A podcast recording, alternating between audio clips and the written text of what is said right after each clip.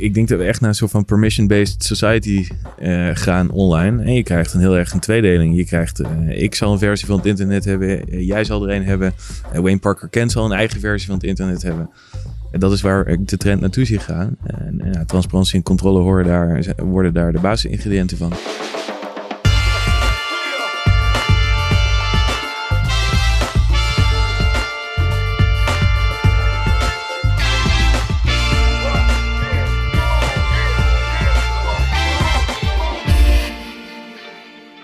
Hallo, goedemorgen, goedemiddag of goedenavond wanneer u dit ook luistert. En welkom bij de Brief, de podcast over content marketing en media. Dit is afleveringetje nummer eh, 49, staat er op mijn blaadje. En het is vandaag 17 december 2018, een maandagavond. Het is guur, het heeft een heel klein beetje gesneeuwd gisteren. Het is een beetje koud, maar in deze ruimte toch wat warmer dan eh, normaliter. Want na mijn linkerhand, Matthijs Stuurman, waarde collega, beste vriend.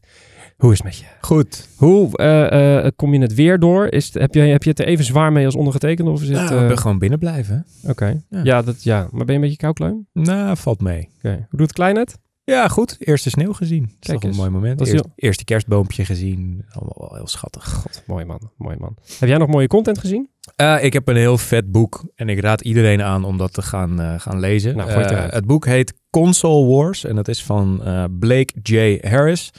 En dat gaat over de strijd tussen Nintendo en Sega in eind jaren 80, begin jaren 90.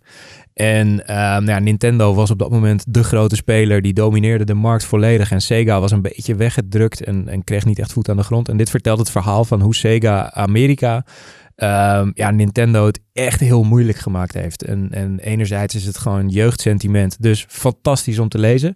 Maar anderzijds is het ook gewoon ehm, ja, de marketing die ze toepassen en, en al dat soort dingen. Het is, het is echt, het leest als een soort avonturenboek en het is super vet. En was jij een Sega-persoon of een Nintendo-persoon vroeger? Ik was een Nintendo man. Wat was Ja, je maar ik mocht hem nooit. Ik had een Game Boy en ik wilde een Super Nintendo. En dat mocht niet van mijn ouders, want dat was te duur. Oké. En ehm, ja, wat, dus- wat, was de eerste, wat was de eerste spelcomputer die je zelf kocht dan? Ja, de Game Boy, die kreeg ik. Dat, ja, en die dat- kreeg je. Maar toen je ja. het huis uit was, dacht je, nou zou ik zo godsamme krijgen. eh, dat was de PlayStation 3. Kijk eens aan. De PlayStation 3 was dat, ja. En Sega is helemaal dood, hè? Ja, ik weet niet wat die tegenwoordig nog doen. Volgens mij een beetje spelletjes uitgeven en, en dat soort dingen. Maar verder eh, gebeurt er niet zoveel Tijd, mee. voor een nieuw boek. Hoe heet het boek nog een keertje? Het heet Console Wars. Van? Blake J. Harris. Leuk. Linkje in de beschrijving van deze aflevering. Absoluut. Tegenover ons zit zoals altijd de gast. Die is natuurlijk veel interessanter dan Matthijs Tielman. Werkte eerder bij Benno Connect als digital, digital of nee, Director Strategy and Innovation moet ik zeggen. Is een huidig boardmember bij de IAB Nederland. Houdt zich daar bezig met privacy, data en technologie. En laat nou net zijn dat zijn eigen tent die hij in 2017 oprichtte daar ook een heel klein beetje over gaat. Die heet namelijk Factor en zij noemen zichzelf The Enterprise Platform for Privacy and Consent Management. Wat dat precies allemaal is, dat gaat hij straks allemaal vertellen. Maar eerst CEO van Factor Tim Hallo Tim. Hey, hallo. Eh, jij vertelde voor de aflevering dat je een beetje last hebt van een jetlag. Ja. Eh, hoe, hoe gaat het daarmee? Steeds beter. Die espresso werkt wel erg goed. De espresso werkt erg goed. Waar, waar, waar kom je precies vandaan? Ik kom net terug uit eh, New York. Was daar een week. Inspiratie opdoen. eh nieuwe potentiële klanten ontmoeten. En eens kijken hoe het daar allemaal loopt op het Heel een beetje fun ook naast de business. Absoluut. En eh, we doen altijd een weekendje extra. Dus eh, ik had alleen de vlucht een dag eerder moeten terugplannen. Want wanneer ben je teruggekomen? Ja, vanochtend. Oh, nou, vanmiddag, waar een beetje laat. Oké, dus onze uitdaging vandaag is om je zo, zo lang mogelijk wakker te houden. Nou, als ik zo nog een espresso krijg, dan zijn we oké. Gaan we regelen. gaan we regelen. Eh, eh, we gaan het zo eh, met eh, Tim hebben over de espresso en over wat Factor allemaal doet. Maar eerst, zoals u van ons gewend bent, gaan we naar het nieuws. Ja, zoals u van ons gewend bent, bespreken wij in de brief altijd drie nieuwsitems die de media- en marketingwereld in zijn of haar ban hebben gehouden. Het eerste nieuwsitem van eigen bodem en toch een heel klein beetje in het buitenland. Want wat kunnen wij trots zijn op de correspondent, de correspondent, zoals we het noemen, heeft haar doel gehaald met 2,5 miljoen dollars in de Engelstalige markt. En eh, vanuit New York hebben ze dat allemaal voor elkaar geschopt. Eh, Zo'n 43.000 man uit 130 landen hebben hun portemonnee getrokken om de Engelstalige versie van de correspondent mogelijk te maken. Dus eh, allereerst een hele diepe buiging richting Edge Fout en, eh, en Rob Wijnberg en al die andere mooie mensen die er allemaal, allemaal werken. Met name eh, vanwege de campagne, want die vond ik erg eh, solide en heel erg eh, eh, Yes We Can van Obama aanvoelen. Dat is een compliment in deze. Eh, steun van onder andere Jay Rosen gekregen natuurlijk, die bij de Daily Show optrad. En ineens schoot die donatieteller schoot omhoog en ze hebben het uiteindelijk dus, dus gehaald. Eh, nu zijn wij hier natuurlijk om een heel klein beetje te praten over het nieuws. We hebben ook meningen en zo. Dus toen dacht ik, wat kunnen we nou hier voor mening over hebben? Ik dacht wel meteen, wat een briljante tagline. We're unbreaking the news. Vond ik erg goed bedacht. Bedacht door een stagiair. Ja, dat las ik ook. Ja. Nou, als die stagiair nog een tweede afstudeerstage zoekt, eh, geef even een belletje. Ehm, eh, ik vroeg me wel af, gezien de grootte van die Engelstalige markt en gezien het aantal mensen die mogelijk ontvankelijk is voor de boodschap van een correspondent en de vorm waarin ze dat eh, hun product, dus de- die het nieuws verspreiden, of zo'n ideaal van het, het aanpassen of het, het, het naar een andere richting duwen van de manier waarop men nieuws consumeert, of dat ideaal wel haalbaar is ten opzichte van de schaal van mensen die hier überhaupt in geïnteresseerd zal zijn. Dat is eigenlijk niet echt een mening, maar meer een vraag die Ja, wat is nou eigenlijk je mening? nou ja, ik, ik denk dat het, eh, zoals, het in Nederland ook is, dat het dit voor eh, de Volkskrant-lezer plus, en dat bedoel ik echt niet oneerbiedig, eh, maar, maar gewoon de links-progressieve, digital native, subscription-based thinking millennial, als dat een doelgroep is, ongetwijfeld wel bij een mediabureau. eh, voor die mensen is het super interessant.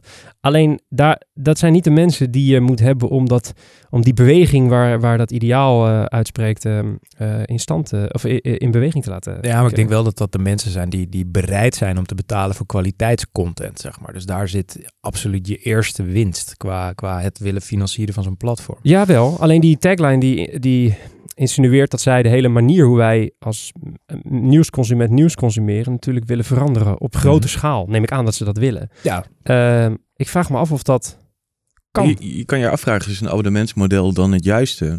Kijk, niet iedereen zal per maand voor een platform als de correspondent eh, daaraan willen deelnemen. Maar heel veel van die artikelen afzonderlijk zijn wel interessant. Waarom zou je daar niet op een soort van micropayment-achtige manier mee kunnen omgaan? Ja, een soort blendel eigenlijk. Ja, Blender gaat wel steeds meer naar, een eigen kiosk. Hè? Ja. Maar eh, het, het, het idee om te betalen per artikel had Blender heel goed gezien. Ja. ja, ik denk ook wel dat het, dat het misschien in zo'n mate eh, eh, kan werken. Maar ja, ik kan niet ontsnappen aan het gevoel dat dit toch met name de eh links slash progressieve, jonge, hippe, millennial, grootstedelijk aanspreekt. Ja, ik denk het wel. En, en eh, dat, dat ben ik helemaal met je eens. Ehm, dat is ook de moeilijkheid. Ik denk ook binnen Nederland, als je kijkt, dat, dat je precies dat beeld ziet. Maar ik, ik zie zelf ook nog wel een probleem. Wat de correspondent in Nederland zo krachtig maakt, is dat ze heel diep kunnen graven op, op lokale issues. Zeg maar. dus, dus zij duiken heel erg in, in ehm, nou ja, privacy dingen in Nederland. Eh, misstanden in bepaalde industrieën. Over de zorg hebben ze hele mooie dossiers ge- gemaakt. Hoe ga je dat in godsnaam doen als je de hele wereld wil bedienen? Weet je wel? Hoe hou je het lokaal relevant zonder dat je alleen maar hele hoog over analyses kan doen? En, Ja, door die lokale mensen dus. Het is Ja, hetzelfde maar- model als wat ze hier in Nederland eigenlijk hebben. Van Maar, die- maar hoe is dat dan? Weet je, ja, de, de situatie van verzekeraars in, in Buenos Aires ehm, ja, is voor mij als, als lid uit Amsterdam niet heel relevant. Nee, Dus- nee, nee. Maar daarom denk ik dat... Kijk, ze, ze schieten deze campagne natuurlijk in vanuit New York. En bedienen heel veel Amerikaanse media. Ik denk eerlijk gezegd dat dit ook met name op Noord-Amerika is gericht. En dat ze daar zeggen dus zelf ook... heel, heel hard van niet, hè? juist niet. Dus het is Engelstalig om juist de hele wereld te kunnen bedienen. Ja, en dan jouw zorg is dan... Hoe kan je dan zo hyperlokaal, waar zij zo super sterk in zijn... eh, je punten maken eigenlijk Absoluut, in die ja. zin. Ik Ja. las overigens wel dat de campagne om die 2,5 miljoen te behalen, eh, daar is, die heeft 1,7 miljoen euro gekost. Eh, dat- kan. Ja, dat kan. Dus ja, dat is een hoop geld. Wel rendement is niet zo heel hoog. Dus ze hebben er nog een paar ton over om... en nou, ja, ja. Ja, dat ligt er maar aan, Nee, net aan hoe lang die mensen allemaal lid blijven.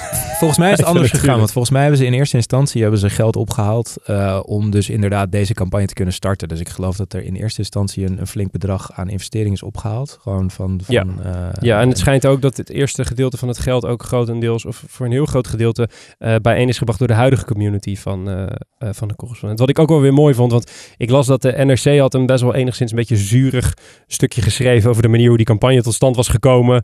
Eh, eh, eh, niet heel erg zuur overigens. Nou, ik, ik las het via het, de Twitter-account van Alexander Klupping. die daar weer zijn connotatie natuurlijk bij had gezet. Wat ook weer vanuit een bepaalde hoek komt. Dus ja, logisch dat dat vanuit zo'n bril bezien werd. Ik vond het wel een heel klein beetje... ze zijn er gekomen, maar dan wel met een hobbelige weg. Weet je wel, er zaten wel heel erg veel... eh, zinnetjes in. Waar overigens ook een kern van waarheid in zat in die zin. Maar de, de, de manier hoe het werd weergegeven in, op een NRC en op andere kanalen was heel grappig om, om te zien.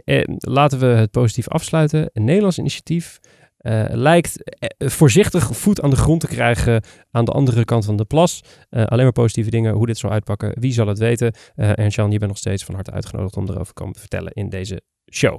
Tweede nieuwsitem gaat niet over eh, eh, een product van eigen grond.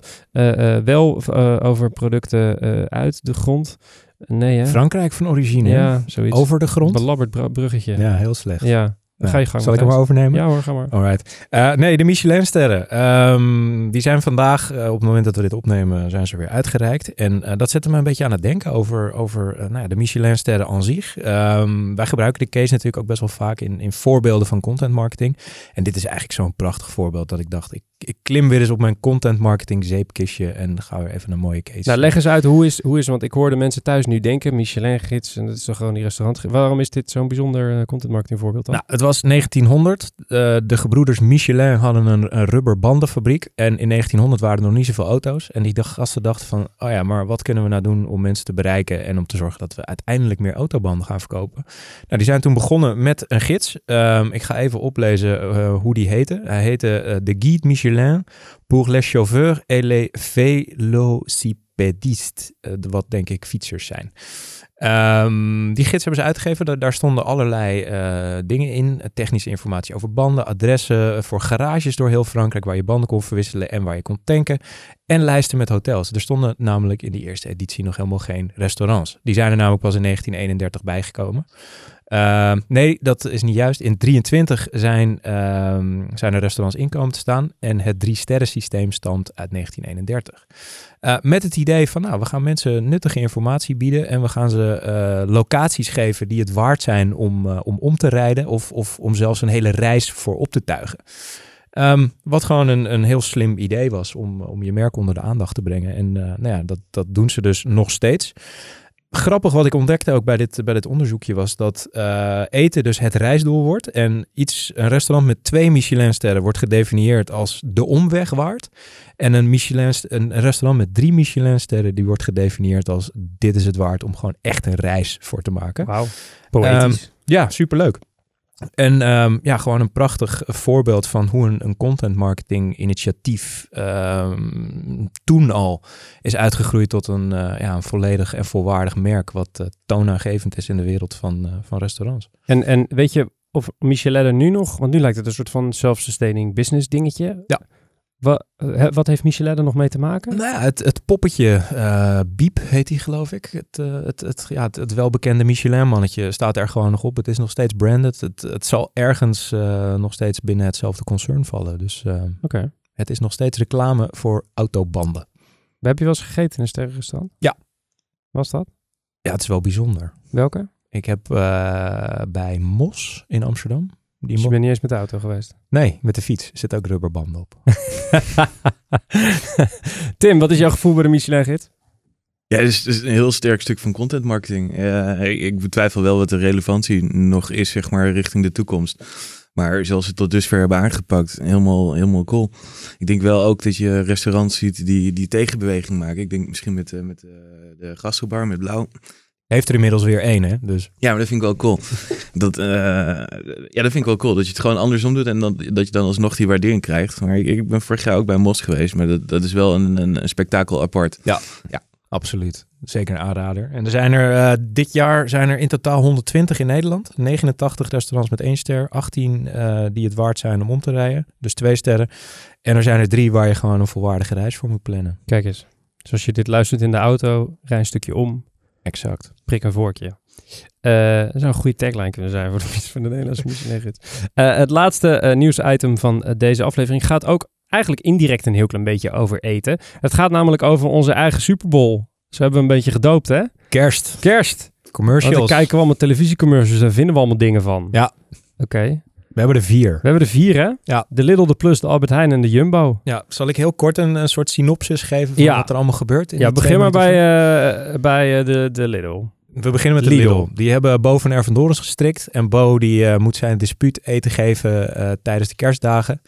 En ehm, ja, volledig over de top in eh studenticoze bewoordingen ehm, ja, wordt, eh, wordt Bo eh, gevraagd waar hij dat fantastische eten allemaal wel niet vandaan heeft. En iedereen gaat ervan uit dat dat bij allemaal hele dure gelegenheden vandaan komt.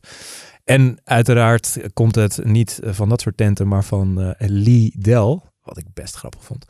Ehm, eh, wat een ja, soort grapje is voor Lidl. Oké, ik heb hem gezien. Tim, je hebt hem ook gezien. Ja. Cijfer 0 tot 10? Oh, eh, ze proberen het echt heel erg goed. En ik denk dat Bo speelt een hele goede rol.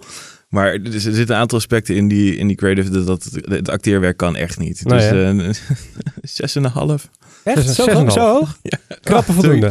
Was ik op de MAVO echt blij mee geweest. Ja, dat Ja. is... eh, Maar nee, ja. Ik, ik denk dat ik ook een beetje voor eh, een 5,5 vijf en een half, zesje. ja, maar ik, maar ik- vanwege Bo, hè. Kijk, Bo Ja, die en draagt dat- gewoon heel die spot.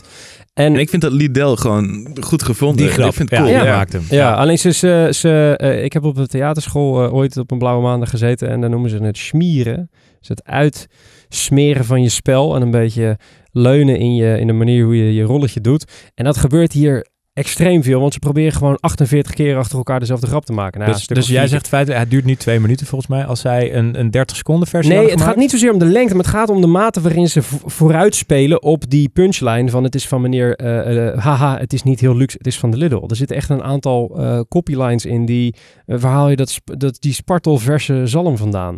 Niemand praat zo, kakkers ook niet. Ik, ik kan het weten, want ik ben zat vaak in elkaar geslagen door kakkers. Eh, eh, maar zo praat men niet. En het is ook nog eens gedaan door een acteur die je kent, waarvan je weet, dit is geen kakker. Bij, van Bo pik je het, want je weet, Bo is Ja, een kakker. ja, ja, Hij heet ja, namelijk Bo van Erverdoorns. Er is niemand die bij het leger de zaals binnenwandelt die, die Bo van Erverdoorns heet. Het is een kakker. Nou, Dus van- dat nieuwe tv-programma van hem zou het zomaar kunnen. Ja, la, dat is waar, dat is waar. Dus het is, eh, ze, ze, ze smeren het te lang uit, Mm. vind ik. Want er zit echt wel iets in. Gemiste Ze- kans. Ja, er zit iets leuks in. Goed idee, slechte uitvoering. Dus een, eh, wat, wat is jouw eh, Ja, ik, ik, ik, ik, ik waardeer Bo ook heel erg. Ik, eh, ik vind het leuk dat, dat zij op die manier zichzelf niet zo serieus nemen. Dat ze een beetje humor erin gooien, kan ik waarderen. Ehm, maar ja, gewoon executie. Dus dit is toch echt wel een vijfje wat mij betreft. Vijfje. Ja. Vijfje, vijf en een half, zes en een half. Ja. Gemiddelde voldoende, jongens. Ehm, eh, de, dan de volgende is van de plus. Van de plus, ja. Plus. Ik is heb ook hier- vrolijk, hè? Ja, dat is. Nee, ik heb hier, ehm, ja, no spoilers, maar toch spoilers. Ik heb hem hier omschreven als eh, dode moeder. Ehm, we zien een, een prachtig eh, shot van een begraafplaats. Zo openen we, dan gaan we naar huis. Dan komt iedereen gezellig bij dat huis aan. Dan gaat eh, dochter gaat koken. En dat doet ze samen met haar moeder. Althans, dat denk je. Want uiteindelijk is de conclusie dat moeder overleden is. En ehm, ja, dat dit waarschijnlijk, dat maak ik eruit op, dat dit de eerste kerst is zonder dat die moeder erbij is. En eh, nou ja, dat is best emotioneel. Super mooi gemaakt. Eh, fantastische muziek. Ik voelde hem wel. Ja, mooie muziek ook. Dit is eh, de Ja. cover van She's the One van ehm, Robbie Williams, gezongen door een dame. Ja, dit gaat gewoon op de old school. Emo. er is iets aan de hand in de familietour. Eh, ik moet zeggen, ik zag volgens mij op televisie een verkorte versie, want ik miste heel die begraafplaats miste ik en een shotje met die broer. En, en daardoor had ik een soort van verwarring van, hè, wie is er nou, hè, wie is, is er nou iemand dood? Mag ze nou niet mee eten? Wat is er nou precies allemaal aan de hand? Dus ik vond in eerste instantie een beetje een verwarrend spotje. Eh, toen hebben we net eh, voor deze uitzending nogmaals een keertje de hele spot gekeken. Daar kwam het verhaal wel iets beter uit. Dus ik vond dat er een paar echt hele mooie shots in zaten. Eén shot waarin ze moeder en dochter die staan dan achter een tafel en moeder is net iets wat minder lekker belicht en er zit één heel lekker eh, eh, focusje in achter een oven met die moeder uit de focus. Dus, eh, dat is allemaal, vind ik als creatief echt prachtig allemaal gedaan. Ehm, eh, dus ehm, eh, ja, ik voelde hem wel. Ik vond het niet heel bijster origineel. Eh, Hoeft ook niet, toch? maar ik moet wel zeggen, vanwege de creative en hoe het geschoten is, een 7. Denk ik. ja, Tim? Ja, ik, ik, ik vond hem ook mooi om te zien, maar eh, ik zei het ook vooraf de uitzending al. Ik vond die van vorig jaar echt veel mooier. Die resoneerde echt van mij. Ik word niet vaak emotioneel, maar toen ik dacht die vader met zijn kind op en neer zou Ja. gaan. En deze commercial liet me daaraan denken. Dus, dus vandaar dus even. Je verlangde Ja. terug Ja. naar vorig jaar. Ik verlangde terug naar vorig jaar. Ja. Het, het, wat is het rapportcijfer? Eh, Nou, ik, ik ga voor een 70 verdelen, want de uitvoering was wel echt goed. Ja. Dus, een goed verhaal. Oké. Het is wel de vraag welk familiedrama ze dan volgend jaar pakken, zeg maar. Was er nu gaan van scheiding naar een- Ik denk dat je genoeg familiedrama's kan vinden die... eh, die eh, in een makkelijk eh, verwerken. gewoon eh, voor het kapitalisme kan inzetten. Ja, precies. precies. Eh, Matthijs, rapportcijfer 0,10 voor de dode moeder van Plus. 7,5. Ehm, pap, Ik ga wel voor de, voor de 7,5. Ja. Keurig. En dan hebben we de, de good old Appie. Ja, ja de de, volgende. Jij moet nog een cijfer geven. Of had je Oh, eh, nee, Ja. 7, Nee, 7, oh, 7, zeven. zeker, zeker, 7. Ehm, nee, Albert Heijn hebben we ook nog. Ja, en Albert Heijn die, eh, die vindt dat wij de hele maand kerst moeten vieren. Dat is eigenlijk de insight van jongens, eh, waarom zou je het maar twee dagen doen als je de hele maand kerst kan vieren? En dat hebben ze ehm, ja, in een, een hele hippe, snelle commercial waarin we allerlei dingen voorbij zien komen. Van graffiti tot kerstmankaarsjes tot karaoke en allerlei andere dingen in elkaar gemonteerd. En ja, dat is eigenlijk de beste manier waarop ik het kan omschrijven. Eh, Iets zeg me dat jij dit niks vindt.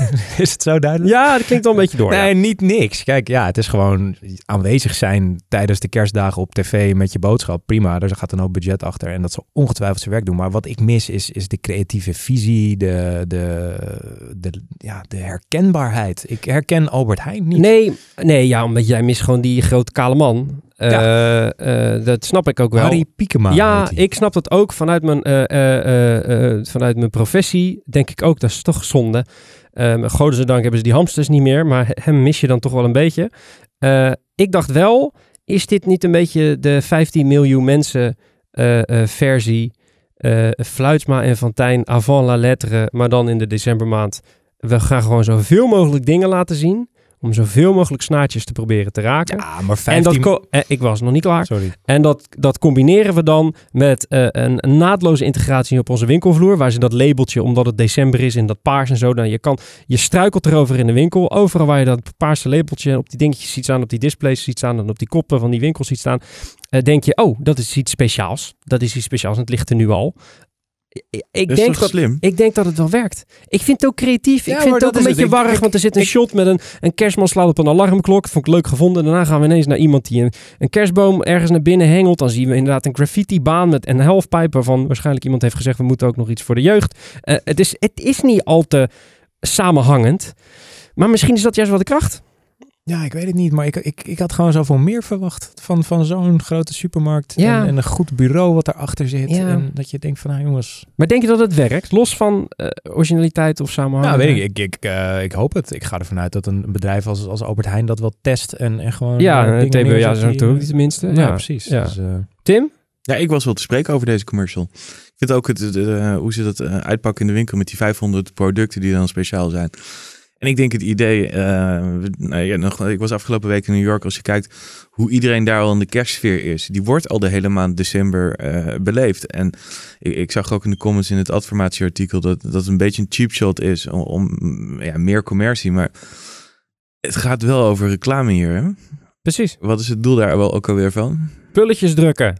Hoppata. Buiken met die hap. Ik, Ik- vind een zesje. Een zesje. Ja. Tim? Nee, ik ga voor een 7,5. 7,5? Ik denk dat ik met Tim meega. 7,5. Ja? Zeg ik niet omdat hij de gast is, maar ik denk echt dat dit eh, een goede is. Ik weet weer wie mijn vrienden zijn. Het laatste, eh, in, in sneltreinvaart, want anders Ja, zit de het laatste. veel te lang... eh, eh, Jumbo. Eh, Jumbo, de, Jumbo. Wel, de welbekende familie met Frank Lammers Ja. eh, erin. Ehm, die hebben een musical gemaakt. En gewoon, dat is wel hoe kerst in mijn hoofd is. Namelijk gewoon sneeuw, belletjes, gezelligheid, eh, zingen.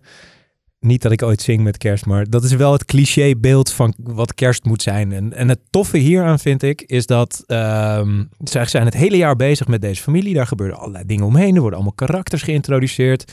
Eh, van Max Verstappen tot eh, de opa en de oma die langskomen. Door van Ja. Marvel Cinematic Universe. Nou, bijna wel, ja. Ja. ja. Misschien dat ik hem daarom zo tof vind. Ja, dat is het eigenlijk wel, Ja, nee, maar het is een soort samenvatting van alles wat ze het hele jaar gedaan hebben, waar ze naartoe opgebouwd hebben. Dat zie je in een super cheesy musical, zie je dat voorbij komen. Maar ik vind hem tof. Het werkt. Ik, eh, ja, het is kerst, man. Het, eh, denk ja. je, wat, maar wat denk je dat de consument vindt? Ik denk dat de consument daar keihard in ja, denk je dat ja, joh, kom op. We vinden met z'n allen de Coca-Cola vrachtwagens ook nog steeds tof. Althans, het feit dat ze nog steeds op tv komen. Dat is wat kerst is. Het moet een beetje over de top. Het moet een beetje cheesy. Ja. Het is wel een beetje een parade van BN'ers inderdaad. Ik kan me voorstellen dat mensen dat best wel tof vinden. Dat ze denken, hé, hey, Roy Donder zit er ook in. Die zit er Ja. namelijk in. Ja. Eh, waarom weet ik eigenlijk ook niet. Jeroen Maar van der Boom. Komt Jeroen van der nog Boom zit ook twee Ja. seconden achter een piano. Max Verstappen. Eh, Max Verstappen heeft eh, de wijn die Frank is vergeten. Waarvan nee, ik dacht, ch- champagne. Dat is een grapje. Als zij een race wint, krijgt hij champagne. Oh ja, oh ja. Nou, zo, ik heb MAVO gedaan, zoals ik net al heb gemeld. Ik, die had ik even niet opgepikt. Maar ehm, ik vraag me sterk af of dit niet ehm, eh, te veel eh, de Nationale Postcode Loterij, wat is het, de staatsloterij, is. Nee, vind ik niet. Nee. Nee, parade Nee. van BN'ers, omdat het kan. Nee, want het gaat niet, om, niet zozeer om die BN'ers. Die BN'ers figureren in een spot om de familie. En het gaat om die familie die je als, als Nederlander in je hart hebt gesloten. Oké. Cijfer van jou? Acht. Ja? Ja, for real. Ik ga voor, eh, voor een 6, eh 6,5. Tim? Ja, ik zit echt aan de kant bij, bij een vijf. Opgedrongen vrolijkheid. En, eh, ik had wel het postcode eh, gevoel. Postcode loterij gevoel, ja. 5? Nee, ik kan er niks mee. Ja, max. 5, Max. Verstappen. Zijn we helemaal rond. Eh, de winnaar is dus, als ik hem zo even goed uitreken met mijn MAVO hoofd, de Albert Heijn, denk ik. Die heeft gemiddeld het hoogste cijfer, Matthijs. Dus dat kan je op je hoofd gaan staan. Maar dat is mijn uitspraak en hier zult u het mee moeten doen. In de woorden van, u weet wie ik bedoel. Eh, mocht u nou iets hebben gehoord in dit nieuwsoverzicht waarvan u denkt, hé, hey, dat vind ik interessant. Of er wordt- straks nog iets gezegd waarvan u denkt, hé, hey, dat is interessant. Wij schrijven alles op. Althans, dat doet onze eh eh, ge- zeer gewaardeerde redactrice eh eh, Sietske. Ehm, eh, dat slaan we namelijk allemaal op in de show notes. Die kunt u vinden op bnparkercamp.com slash podcast. Of de, eh, de linkje in de beschrijving van deze video, moet ik zeggen. Eh, we gaan snel naar het interview, want die begint te hakkelen, merkt u. Maar eerst even dit. Inmiddels weet je waarschijnlijk wel dat de brief gemaakt wordt door Wayne Parker Kent. Daar werk ik en daar werkt Matthijs. En, en wellicht werk jij binnenkort ook bij ons. Want we zoeken non-stop nieuwe talentvolle mensen die ons komen versterken. Dus ben je een mediastrateeg, accountmanager, redacteur, copywriter, designer, developer, projectmanager, videoproducer. Zoek je een stage, een fulltime job, parttime job, freelance job of heb je gewoon een vet idee? Eh, whatever, dan zijn we wellicht dus op zoek naar jou en zouden we graag een kopje koffie met je drinken. Alle openstaande vacatures vind je op wayneparkerkent.com slash jobs. En wat je ook kan doen is klikken op het linkje in de beschrijving van deze aflevering.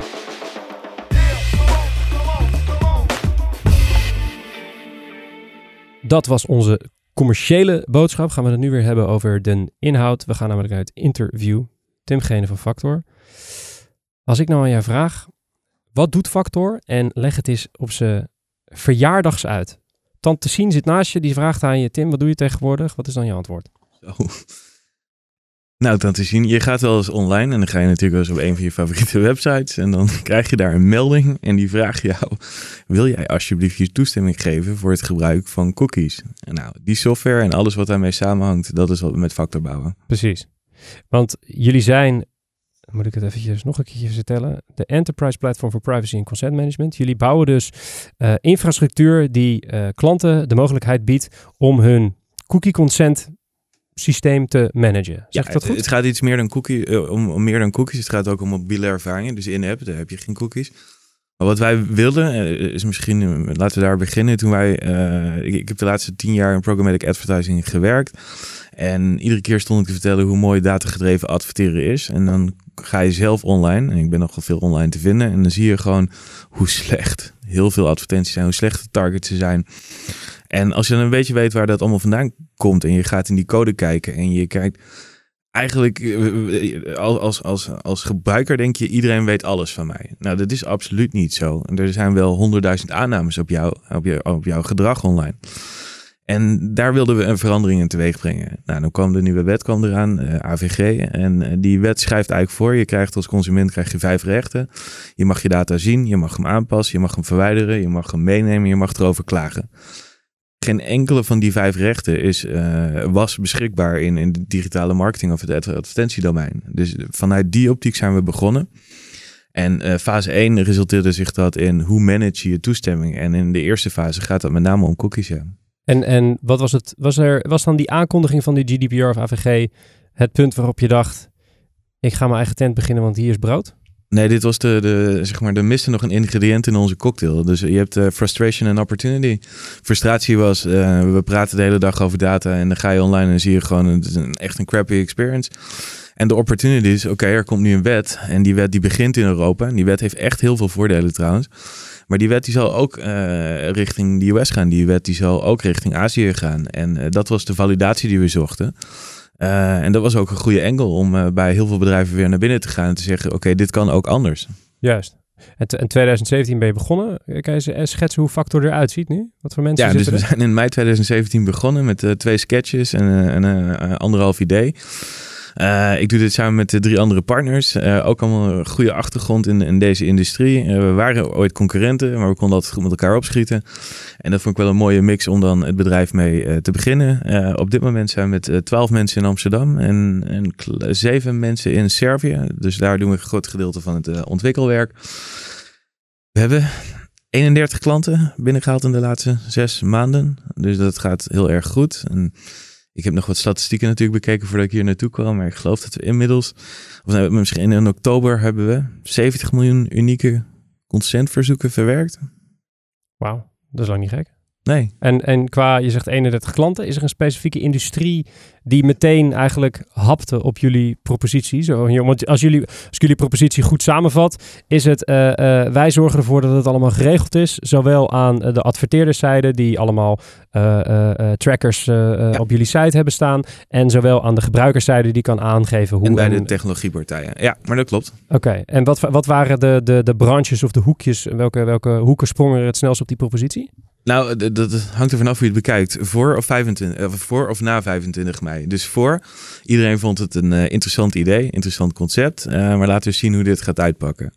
En die wet die bestond eigenlijk al twee jaar, maar dat was een soort van, hoe zeg je dat, een... een, een, die, hij ging pas echt, hij werd pas effectief op 25 mei dit jaar. Maar die wet die bestond dus al, iedereen had tijd om voor te bereiden. Dat heeft natuurlijk niemand gedaan na 25 mei, of eigenlijk op 25 mei. En de, ik zag deze week nog naar een contract te kijken met, uh, met de persgroep. En die, die, is ook letterlijk op 25 mei uh, getekend. Zo'n oh shit moment. ja. oh ja, daar moeten we ook nog wat mee. Ja. um, nee, dus het verhaal ervoor. We mochten overal komen. Iedereen heeft naar ons geluisterd. We hebben veel feedback gehad. Maar die, die urgentie nam wel toe na 25 mei. En dan uh, type bedrijven. Nou ja, de, aantal klanten. De, de, we hebben heel veel Nederlandse mediabedrijven. Ehm, en wat we nu zien is ook een interesse aan de adverterende kant. Uh, dat werd vaak overzien. Maar ook bij adverteerders, en misschien pak ik even de, de, de adverteerders vanuit de kerstcommercial. Als jij naar een Ahold gaat of naar een Jumbo, daar staan ook best wel wat trackers om uh, nou, gedrag te meten, om conversies te meten. Daar moet ook gewoon toestemming voor gevraagd worden. En je ziet nu dat daar de tweede golf eigenlijk vandaan komt aan die zijde. Ja, dus hier, we, hebben, we zien een tweede golf zowel aan de uitgeefkant. Uh, we zien een nieuwe golf, een eerste golf bij de adverteerders. Uh, en wat me nog een beetje tegenvalt is de beweging bij uh, e-tailers, bij e-commerce partijen. Dus, Hoe zou dat komen, denk je? Dat is, omdat zij zichzelf primair natuurlijk een, een, een e-commerce platform vinden. En dat zijn heel erg naar binnen gericht. Ja, en, en als jij je kopende klanten wil vragen uh, wil, wil gaan laten zien wat je eigenlijk doet. Dat is best wel een brug. Uh, je, je werpt dan best wel iets op. Ja. Um, kijk, als je een nieuwswebsite bent, dan, dan uh, is dat eigenlijk... Je, nou, als consument ben je iedere keer product geweest. Dat, dat is op zich wel duidelijk. maar bij een e-commerce platform, nou, dan kom je primair om dingen te kopen. En niet om getrekt te worden. Of... Precies. Hey, en, en dus eigenlijk, je, je hebt drie uh, grote doelgroepen waar je mee te maken hebt. Namelijk de gebruiker, de, de, de, de consument, je hebt de, de, de media-exploitant en je hebt dus de adverteerder. Ja. Um, hoe heb ik als, als consument, uh, kom ik met jullie product in aanraking? Is dat puur dat, dat ding van ja, je mag me volgen en dan kom ik bij jullie in een database? Of, of ja, het is iets anders dan dat. Nee, je kan, nee, um, dat is nog één, één ding. We, hebben software gebouwd en uh, gelukkig hebben we zien aankomen dat iedereen dat net iets anders wil gaan implementeren we hebben heel verschillende versies. Dus afhankelijk van hoe die, uh, hoe die klant uh, ons product implementeert. Maar ik zal je even een standaard scenario geven. Je gaat naar een website toe.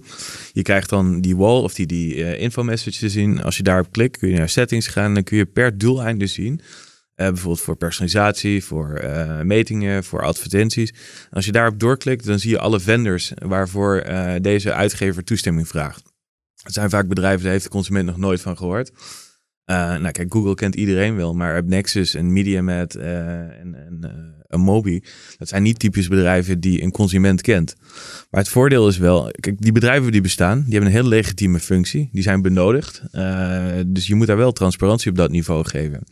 Je kan ervoor kiezen om op vendorniveau jouw toestemming in en uit te schakelen. Maar wat wij zien is dat de meeste mensen dat op doeleinden doen. Dus wel personalisatie en geen advertenties bijvoorbeeld. Dan is de tweede, uh, er wordt ook niet altijd een keuze gegeven. Dus als jij bijvoorbeeld zegt, ik wil geen advertenties. De meeste websites zeggen dan, dan kom je ook de website niet op. Dat is niet GDPR compliant, toch? Mm, hangt er vanaf hoe je dat bekijkt. Uh, dit heet conditionele toegang. Um, dat staat niet goed beschreven in GDPR. Um, We wachten op jurisprudentie. Nee, dit, in e-privacy is dit, speelt dit heel erg. Er komt namelijk nog een nieuwe privacywet. Dat is de e-privacy uh, legislation. Dat was een lex uh, specialis, dus een addendum op GDPR. En in, in punt 8 daarvan wordt conditionele toegang tot websites beschreven. Ik kan je wel zeggen, de meeste Nederlandse websites kiezen ervoor, uh, je geeft toestemming of je mag de website niet op. En in GDPR wordt wel omschreven of daar een negatief gevolg van te ondervinden is. in dit geval zou je kunnen beargumenteren dat het zo is. Er is namelijk geen keuze. Maar stel je voor, je zou ook kunnen betalen voor een versie van die website. Dan heb je niet echt een negatief gevolg. Wat is je persoonlijke gevoel? Vind je dat, vind je dat websites uh, toegang moeten kunnen ontzeggen van hun gebruikers als ze niet akkoord gaan? Ja, absoluut. Maar je moet wel keuze geven. Ik, stel wel eens op een terras natuurlijk of in een restaurant. Uh, ik vind dat je consumptie verplicht mag stellen. Moet je dat veel transparanter doen dan dat je tot dusver gedaan hebt? absoluut. Maar ik vind ook echt dat je keuze moet kunnen bieden als jij zeg maar niet één button hebt, maar twee. Eentje voor toestemming en je betaalt een soort van met je data. En de tweede, ik betaal wel met echt geld. Waarom niet? En in die met waar je betaalt, zeg maar, dan heb je een volledige advertentie- en trekkeloze omgeving. En heb je, heb je zicht op, uh, je zei net al, de meeste mensen kiezen op um, aanpassen op basis van hoe mijn data wordt gebruikt. En niet zozeer die mag het wel of die mag het niet. Ik kan -hmm. ook aan de venderszijde. Um, zijn er meer dingen te zeggen over hoe men over het algemeen met die software omgaat. Klikken ze echt zo blind op, ja prima, doe maar, als ja. dat we denken? Ja. Is, ja? 98% klikt op uh, accepteer alles en uh, als die melding maar zo snel mogelijk weg is. Heeft het dan nog wel zin, dit hele, dit hele spel wat we aan het spelen zijn? Ja, omdat het... Um, zoals u al zei, dit is stap 1. Uh, ik denk je moet heel erg kijken naar stap 2. en dat is op dit moment heb je geen negatieve of positieve ervaring of je nu data toestaat of niet. Dat is niet helder genoeg. Stel je nu voor, er staat iets positiefs tegenover. Uh, dus ik deel data en ik krijg daar iets voor terug. Dat kan ik wil een omgeving zijn met minder advertenties, uh, snellere laadtijden. Je, je, kan zoveel features en voordelen bedenken als je wil. Op dat moment, dan denk ik dat mensen daar bewuster van worden. Aan de andere kant ik denk dat we echt naar een soort van permission-based society uh, gaan online. En je krijgt een heel erg een tweedeling. Je krijgt, uh, ik zal een versie van het internet hebben, uh, jij zal er een hebben. Wayne Parker Kent zal een eigen versie van het internet hebben.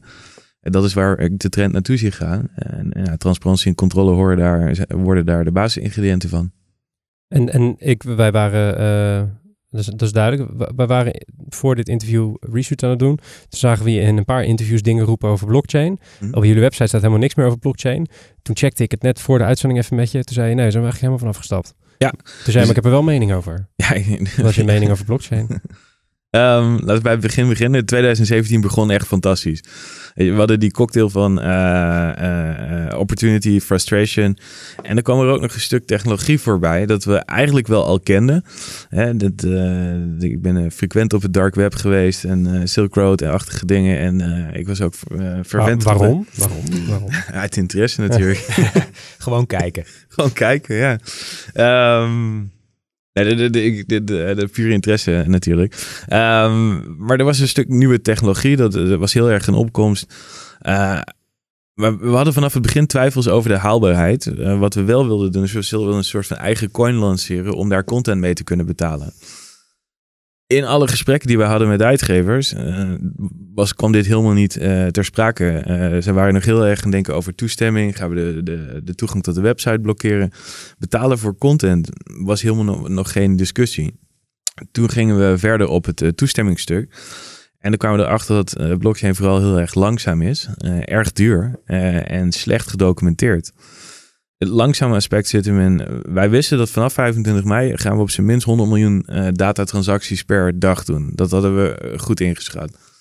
Als je kijkt naar Bitcoin, dan kun je zes transacties per seconde doen. Um, dat is veel en veel en veel te langzaam. Die transacties die kosten ook nog geld. Dus we moesten allerlei logica gaan bijbouwen om, om toestemming te cashen hoe verder we gingen, hoe meer uh, van de functionaliteit uit blockchain waar we gewoon aan het strippen en, en proberen het, sneller en, en, en simpeler te maken. als je kijkt wat er sinds toen tot nu gebeurt. De blockchain is vooral interessant vanwege eh, cryptocurrencies. En juist daar zit een enorme eh, hit op de, op de markt. En alle echte innovaties in dit blockchain-wereld zie je op private blockchains. Nou, we hebben het net even gehad over de grootste limitatie in blockchain, vind ik proof of stake, proof of work. Dus je hebt een derde partij nodig die iets audit iets wat ook door algoritmes gedaan kan worden. En nou, er is een partij, uh, Hashgraph, die hebben een nieuw algoritme ontwikkeld. Dat heet Gossip About Gossip. Dus zij verspreiden een roddel naar de nodes in het systeem. Zij weten wie die roddel verspreid hebben, kijken naar welke informatie er terugkomt. En een kunnen bewuste dan, onwaarheid. Ja, precies. En kunnen dan bepalen wat de waarheid was. Dus daar heb je geen miners, geen andere computers meer voor nodig. Precies, en dat scheelt heel veel processorkracht en gaat dus Ja. sneller. Het gaat een stuk sneller, maar het grote voordeel van blockchain is natuurlijk... je hebt een gedecentraliseerd grootboek eh, met geen autoriteit. Het is Eh, transparant, het is gedecentraliseerd, iedereen kan erbij. Dat is het grootst, meest gehoorde voordeel van het hele blockchain. Ja, dat maakt het ook het grootste nadeel. eh, omdat als, als business applicatie heeft dat enorm veel uitdagingen. Nou, schaal is er één, maar nogmaals, als jij echt... een- Bijvoorbeeld een ander voorbeeldje is data. Iedereen vindt data heeft een waarde, maar data is geen, eh, heeft geen intrinsieke waarde. Je kan er niet een getal op zetten. Als je er geen getal op kan zetten, dan kun je er ook niet over afrekenen. Als jij per transactie iets moet afrekenen, nou wat doe je dan? Dat konden we niet bepalen op dat moment. Dus wij zijn naar eh, een van de grotere cloud-aanbieders gegaan en hebben gezegd: we willen een gedecentraliseerd eh, systeem en we denken dat we dat op deze en deze manier kunnen bouwen. En nou, zij waren daarvan onder de indruk en dachten: dat gaan wij financieren, dat gaan we sponsoren. En dat hebben we gedaan. We waren op tijd klaar. En ehm, als je kijkt naar blockchain vanuit de positie waar je nu in zit. Kijk, met jullie eh, product is het niet gelukt om het daarop te lanceren. Je noemde net zelfs ook eh, crypto's, waarvan ik zelf altijd denk... Is, dat nou, is die hype nou gebaseerd op de daadwerkelijke technologie of de marketing omtrent de hele trend? Snap je wat ik bedoel? Dus het is natuurlijk speculeren. En volgens mij weet 9 van de 10 mensen niet eens waar ze in aan het investeren zijn. Ze zien alleen maar een grafiekje omhoog gaan en denken dan, oh, dat is mooi. Eh, zie je wel waarde in de blockchain technologie? Ja, 100%. Waar, waar zit die waarde volgens jou? Welke industrie zien het wel werken? Ik zie het in meerdere industrieën werken. Het heeft iets meer tijd nodig. En de grootste waarde zit hem in de automatisering. Dat klinkt echt super eh, simpel. Maar smart contracts, eh, die zijn echt extreem waardevol. Dus als je contracten hebt die zichzelf kunnen uitvoeren, gebaseerd op, bepaalde boolean values, dus eh and or if when else, dat zou al zoveel verschil kunnen maken in, in de huidige werkwijze. Eh, daar heb ik geen cryptocurrencies voor nodig om, om die waarde al te kunnen hebben. Nee, wat, dat, wat scheelt dat dan precies? Maak het eens praktisch. Wat, wat, wat snijden we dan weg als, als, als, eh, als wereld zijnde? Wat hebben we niet meer nodig? Nou, de- ik zal het even mezelf betrekken, maar offertes maken hoef ik dan niet meer eh, zo uitgebreid te doen. Eh, je, kan, je stelt een contract op en als er aan de voorwaarden wordt gedaan aan de andere kant, kunnen het contract wordt geëffectueerd en eh, wordt de waarheid. En Je hoeft niet meer te tekenen en dat soort Nee. en weer pingpong. En, Denk eh, aan een accountant, denk aan een makelaar, al dat soort. Ik, die mensen blijven waarde hebben vanwege hun kennis, maar het grote administratieve last die erbij hoort, kun je door smart contracts eh, goed vervangen. Ja. Eigenlijk notarissen kan je gewoon allemaal sluiten, als ik het Nee, goed begrepen heb. Als ik, nee, om het ook eerlijk te zijn, de notaris die ons geholpen heeft met, eh, met Factor, eh, die had zoveel kennis over eh, zoveel zaken. De- de- dat was super belangrijk voor ons. Het ging echt niet alleen om dat document en die handtekening. Dus die zou eigenlijk de blockchain in moeten, die man. Ja. Eh, terugkomend op Factor en wat jullie, eh, wat jullie verkopen. Ehm, eh, is, is het, ehm, eh, ik luister naar het, naar het product, ik luister naar het idee, kijk naar jullie. Stel, ik ben een publisher, kan ik het dan niet zelf bouwen? Is dat een argument wat je veel hoort? Niet veel, maar wel vaak. Maar natuurlijk kan Is dat. het reëel? Ja, tuurlijk. Maar alles kan gebouwd worden. En wat is dan het voordeel om dan alsnog bij jullie eh, aan te sluiten? Is dat een stukje service? Is dat een stukje... Nee, dat gaat veel verder dan dat. Kijk, omdat wij eh, eh, een soort van one-to-many bouwen. als ik nu kijk wat het kost om zelf te bouwen, wij zijn goedkoper dan om het zelf te bouwen. Dat ten eerste. Gewoon door, puur door de schaalkracht. Dan heb je het kennisaspect. Eh, dit is een, een bijzonder een vloeibare industrie. Nou, niet echt een industrie, maar er moet nog zoveel veranderen op het gebied van privacy. En als je kijkt naar hoe je eh, de interoperabiliteit met al die, die eh, technologieën. Dit is een eh, ongoing thing. Dus daar moet je op blijven investeren. En nou, kijk, als wij dat doen al vanuit een, een kenniskracht. Ja, als, als mediabedrijf, het is nog maar de vraag of dat je core kennis moet zijn. Ik denk, we hebben allemaal de laatste twee weken die artikelen gelezen over de busfiets van de wereld die, waar het niet zo goed mee gaat. En Hey, ik, ik zag ergens een hele leuke tweet en die zei... al deze publishers hebben wel op zijn minst zelf een eigen CMS gebouwd. Uh, nou, dat is wel heel terecht. Want ik denk dat je vooral moet doen waar je goed in bent. Zijn jullie dan ook niet, niet, of dat gevoel krijg ik ook dat je ook een heel groot gedeelte gewoon consultant bent bijna op het gebied van privacy? Ja, dat wilden we absoluut niet. Uh, we wilden echt uh, software maar, bouwen. Maar. Hetzelfde dat Facebook geen, uitge of, geen uitgeverij is, toch? Dat is, ja, maar ik, mijn eerste offertes die ik stuurde, er stonden echt geen uurtarief in vermeld hoor. Gewoon een licentiefee voor het platform. En toen kwamen alle vragen. En toen moest ik op en neer naar Hilversum blijven rijden. En toen ben ik wel snel gaan denken van oké, maar hier moeten we ook voor gaan rekenen. Uh, nou, dat hebben we in de laatste drie, vier maanden hebben we dat, uh, hebben we dat kunnen omturnen. Uh, we zien het een beetje als, het hoort erbij. Het is niet onze kern, maar ik vind wel als we ergens werk voor doen, willen we er ook voor betaald worden. Ja. En wat is jullie, jullie ambitie over, over tien jaar? Waar sta je dan? um, die ambitie, ik, ik denk dat wij heel erg het verschil willen maken. We willen een incentive, we willen een value exchange creëren richting de gebruiker. Dus op dit moment ben je als gebruiker het product. Uh, nou, sommige mensen weten dat, anderen niet. Maar ik vind niet dat je voldoende terugkrijgt als gebruiker. En uh, nou, de andere ding dat me heel erg stoort is, we maken vooral heel veel aannames op mensen. Maar we vragen het niet. Terwijl juist met nieuwe technologieën, waarom verifieer je het niet heel even? Waarom vraag je dat niet heel even? Op het moment dat je dat doet, ga je van probabilistische data naar deterministische data. En juist dat hele deterministische dataset heeft zoveel meer waarde voor adverteerders en voor mediabedrijven. Dan kun je ook een gedeelte terug naar de consument geven. En wat voor gedeelte bedoel je dan? Bedoel je dat in, in gewoon puur in, in geld? Of nou, dat dachten we, hoopten we wel, totdat je dat gaat terugrekenen. En dan kom je erachter dat je. in, in Nederland gaat het echt om een paar euro per maand per gebruiker die je zou kunnen doen. Um, dat gedrag kan hoger en, en lager zijn per persoon. Uh, maar daar zit hem nog niet uh, het grote. Daar ga je het nog niet voor doen als consument. Dus ik denk dat je heel erg moet zoeken in de ervaringen. Dus eh, minder advertenties, snellere ervaringen, toegang tot premium content. personalisatie. personalisatie. in plaats van dat een serie één keer per week uitkomt. Weet je, als je geregistreerd bent, je bij al je data, mag je hem gewoon bingen. Dat soort dingen. Daar kun je heel veel varianten op bedenken. Wat ik wil met Factor is dat wij uh, daar technologie voor leveren uh, om dat allemaal mogelijk te maken. Dus dit is pas de eerste stap, zeg maar. Ja. Het, uh... De idee was, eerste stap is we geven de consument in ieder geval herkenning. We geven ze inzicht, we geven ze controle. Um, maar vanuit hier willen we verder gaan werken naar een echte waardepropositie toe. Spannend. Jullie, jullie zitten, je zei net al, je speelde een beetje uit op uh, de, de, de, de, dat wat gelijkheid moet komen tussen internetgebruiker en degene waar die dan op terechtkomt. Hè? De uitbater van de website of de exploitant, of hoe je het ook wil noemen. Um, als je kijkt naar hoe wij mensen opvoeden in het internet, ligt er dan ook ergens een rol voor educatieve instellingen om men te leren hoe het internet werkt. Je, je zei net ook al over de partijen waar men helemaal geen weet van heeft, uh, uh, die wij allemaal wel bij naam kennen omdat wij in het wereldje zitten, mm. maar een internetgebruiker eigenlijk niet. Vind, je, vind je dat we niet als industrie, maar als maatschappij meer zouden moeten doen om men te laten inzien dat als ze niks kopen op een website, zij hetgene zijn wat verkocht wordt? Ja, natuurlijk. Maar dat lijkt me sowieso heel erg slim. Uh, ik was afgelopen jaar en uh, mocht ik een spreekbeurt geven bij mijn dochter in de klas. Ze is elf. Uh, ze kijkt alleen maar vlogs en alles. En um, ik ben heel simpel begonnen. Ik liet, ik liet YouTube zien in de klas. En de eerste reactie die je krijgt, ah, advertenties. Wacht maar even, we kunnen zo doorklikken. Dat zeggen de kinderen dan. Totdat je gaat uitleggen dat die advertenties die betalen voor die content die erna komt dat had ze nog nooit iemand verteld. Het is ook niet iets wat je als ouder natuurlijk aan je kind vertelt. Nou, die advertenties die staan daar, zodat je zo en zo zijn ding uh, kan zien uh, doen. Uh, scholen moeten daar zeker iets mee. maar het gebeurt en er zit een heel anti-houding ten opzichte van adverteren. die, die was er eigenlijk altijd al, ook ten opzichte van tracking.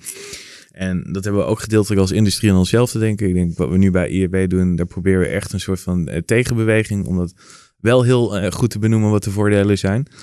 Uh, maar we staan zeker uh, eh, 1-0 achterstand, ja, als industrie. Ja, en de vrijheid van het internet waar het ooit op gebouwd is, is eigenlijk gewoon doorgeslagen en daardoor is er nu een extreem wantrouwen. Welke vrijheid? Nou, het is, de internet was natuurlijk de plek waar alles kon zoals het ooit begonnen is door, uh, de, door de, de, mannen in de jaren 70 en, en vroege jaren 80, geloof ik.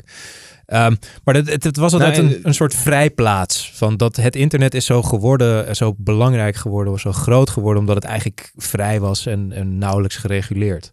Ja, Dat klopt, maar uh, daarom denk ik ook dat je meerdere versies van het internet gaat zien. Ik denk voor mensen die die vrijheid en dat liberalisme, uh, die, daar, uh, die dat graag willen, die kunnen dat ook krijgen. En nogmaals, als ik volledig anoniem wil zijn online, dan kan ik dat. Maar dat is een, een, een skill kwestie.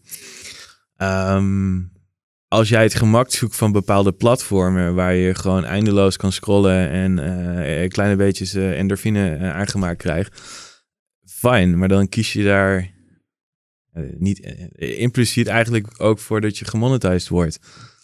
Um, maar dat is wel een beetje sneaky, zeg maar nog steeds. Want de meeste mensen hebben dat niet zo door, toch? Nou, we hadden het net over supermarkten. Nou, de, de manier waarop producten ja. daar georganiseerd worden, is ook een soort van uh, mind journey um, en met beïnvloeding.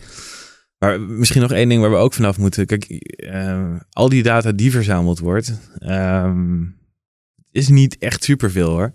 Uh, je, als je echt heel goed je best doet, kan je een mooi profiel opbouwen. Uh, alleen dat profiel is vaak na een dag al niet meer herkenbaar. Cookies verdwijnen. En uh, ik zou zelfs beargumenteren dat de meeste van die profielen gewoon bar slecht zijn.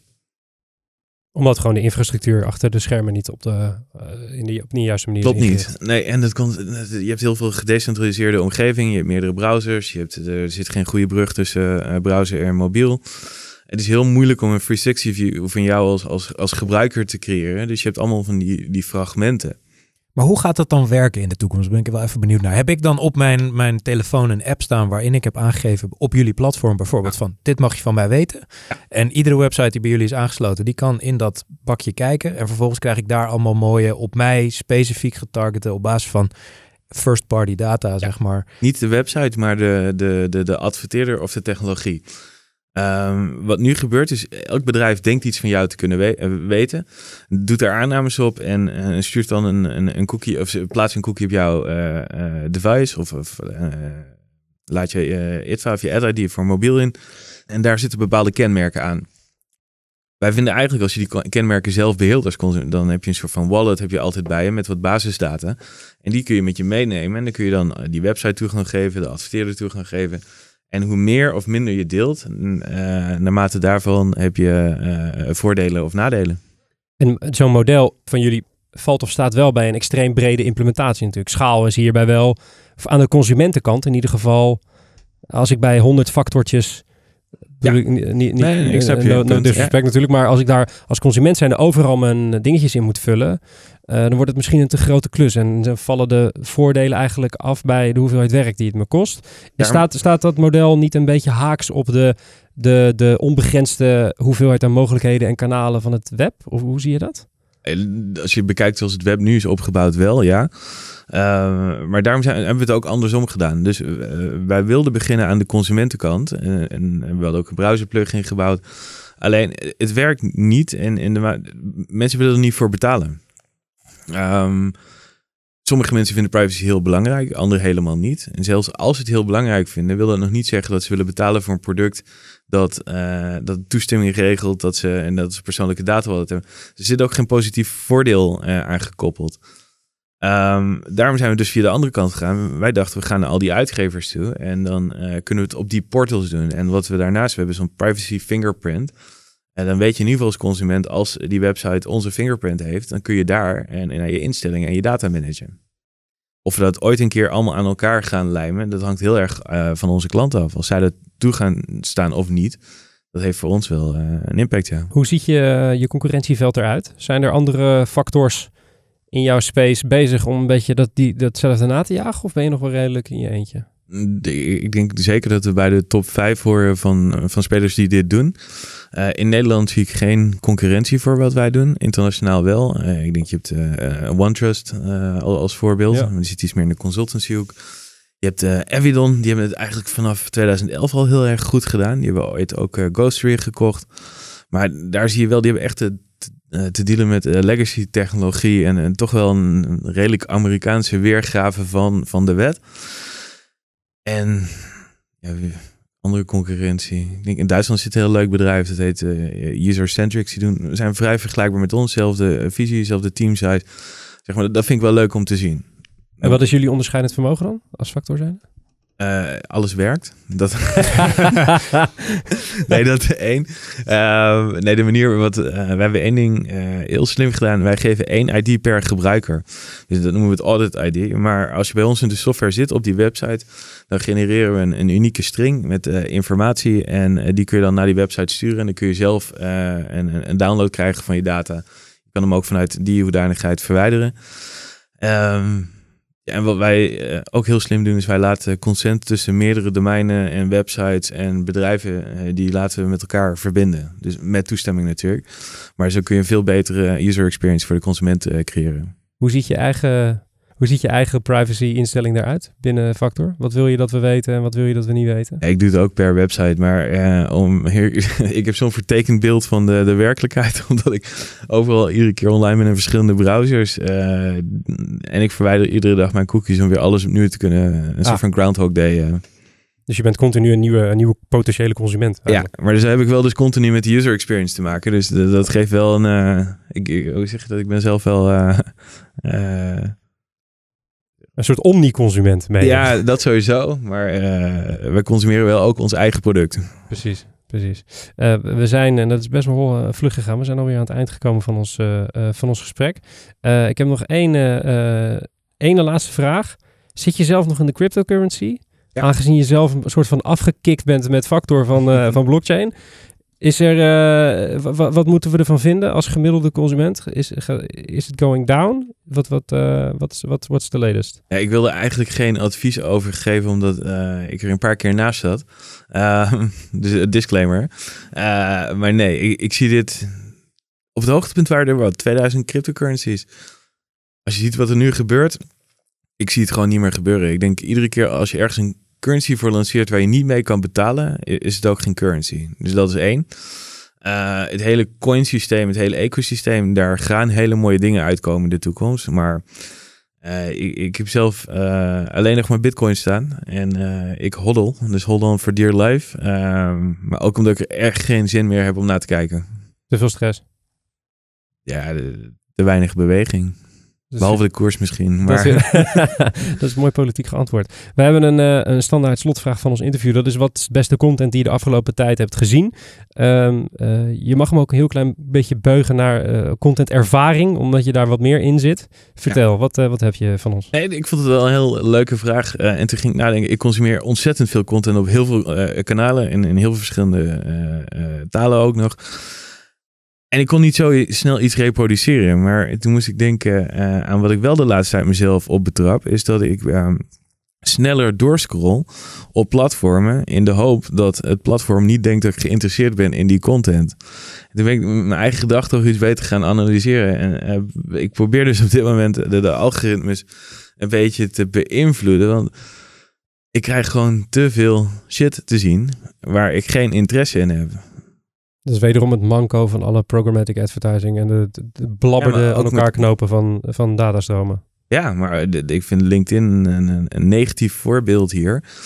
Uh, als ik ook maar per ongeluk iets te lang op mijn beeldscherm laat openstaan, dan denkt het algoritme uh, dat die persoon of die post interessant is. En daar ga ik meer van, uh, van zien heel eenzijdig algoritme, vind ik, op LinkedIn. Dat, ja. Het is echt, uh, je, ziet dingen van vijf mensen voorbij komen of zo. En dat is het. Weet je wat ik altijd, welk gevoel ik altijd bij LinkedIn krijg, is dat uh, developers op een gegeven moment zo gewoon zijn gestopt. Dus dat het gewoon één systeem is. Het is wat nu, waar niks meer aan gebeurt. Maar mijn vriendin vraagt vaker: heb je mijn LinkedIn-post gezien? En dan oprecht. En, uh, Nee, nee. helemaal niet. Nee. Ga maar voor de grap je eigen post proberen terug te vinden of zo. Ja, ik weet niet hoe dat moet. je moet echt op je profiel en dan... Nee, maar oh ja, dat is verschrikkelijk, ja. Maar dus het ging niet zozeer om... Het gaat meer om uh, hoe we content gepresenteerd krijgen. En uh, nog een kleine anekdote. Ik was in, week van 2010 of een 11 bij Sanema. Was ik in een gesprek en het ging ook over personalisatie. En toen zei iemand daar... Dat klinkt wel allemaal heel leuk wat je nu zegt, maar als we dit gaan doen, dan gaan mensen alleen nog maar content van Sylvie Meis en, en, en verwante zaken zien. Want je kan mensen niet alleen maar presenteren met de content waar ze op klikken. Dan krijg je die filter en uiteindelijk is dat niet wat ze echt willen zien. Ja, dus zit misschien iets in. Ja, dus dan ga je eigenlijk denken voor de gebruiker en denken, nee, maar dat wil je eigenlijk helemaal niet. Dat. Nou, ik, om eerlijk te zijn, als ik, uh, als je mij analyseert op basis van wat ik klik en daar nieuwe content op genereer, ik denk niet dat ik dat lang volhoud om dat aan te kijken. Nee, dat, nee, ik denk dito. Daarom moet je de correspondent nemen, want dan zie je gewoon goed geschreven artikelen. En we zijn helemaal rond. Tim Gene van Factor, wat vond je ervan? Leuk. Je, je ziet er nog fris uit, maar dat komt door die tweede espresso. De die je- espresso heeft me echt geholpen. Kijk eens aan, joh. Je kan, nog gewoon, een nacht, je kan gewoon nog een lekker een, een, een nachtje door. Eh, eh, dank voor je komst naar de studio. Eh, wel- en wel thuis en een fijne uiteinde. Dank, Matthijs. Graag gedaan. Hoe is het met je? Klaar om de kou in te gaan? Het Eh, ja, het valt mee toch vandaag. is de allerlaatste show van 2018, hè? Hij gaat snel, Besef hè? je dat? Bizar, man. Vond je van het jaar? Ik eh, vond het een turbulent jaar. Turbulent jaartje, hè? ja, vanaf eh, april was het nooit meer hetzelfde. ik, ik voel je pijn, man. Dank voor je komst. We zien je in 2019. Mocht u nou iets gehoord hebben in deze aflevering, dan weet u, dan kunt u naar de show notes, wayneparkerkent.com podcast of de, het linkje in de beschrijving van deze video. Abonneer je en zeg ook tegen je collega's dat ze zich moeten abonneren en geabonneerd moeten blijven in 2019. Want hoe meer luisteraars, hoe meer plezier voor ons. De brief wordt zoals iedere aflevering gemaakt door Wayne Parker Kent. Onze mediapartners zijn Adformatie en BNR Nieuwsradio. Productie wordt zoals iedere aflevering in 2018 en hopelijk ook in 2019 gedaan door de onvolprezen en briljante Kevin Eiken. Die heeft geen microfoon, maar die gaat wel wat zeggen.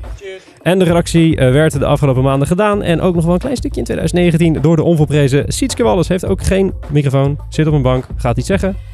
De volgende aflevering is in het nieuwe jaar. Wie er dan te gast is, wie zal het zeggen? Fijne feestdagen en een fijn uiteinde. Mijn naam is Mark Schoones. Tot de volgende keer en bedankt voor 2018.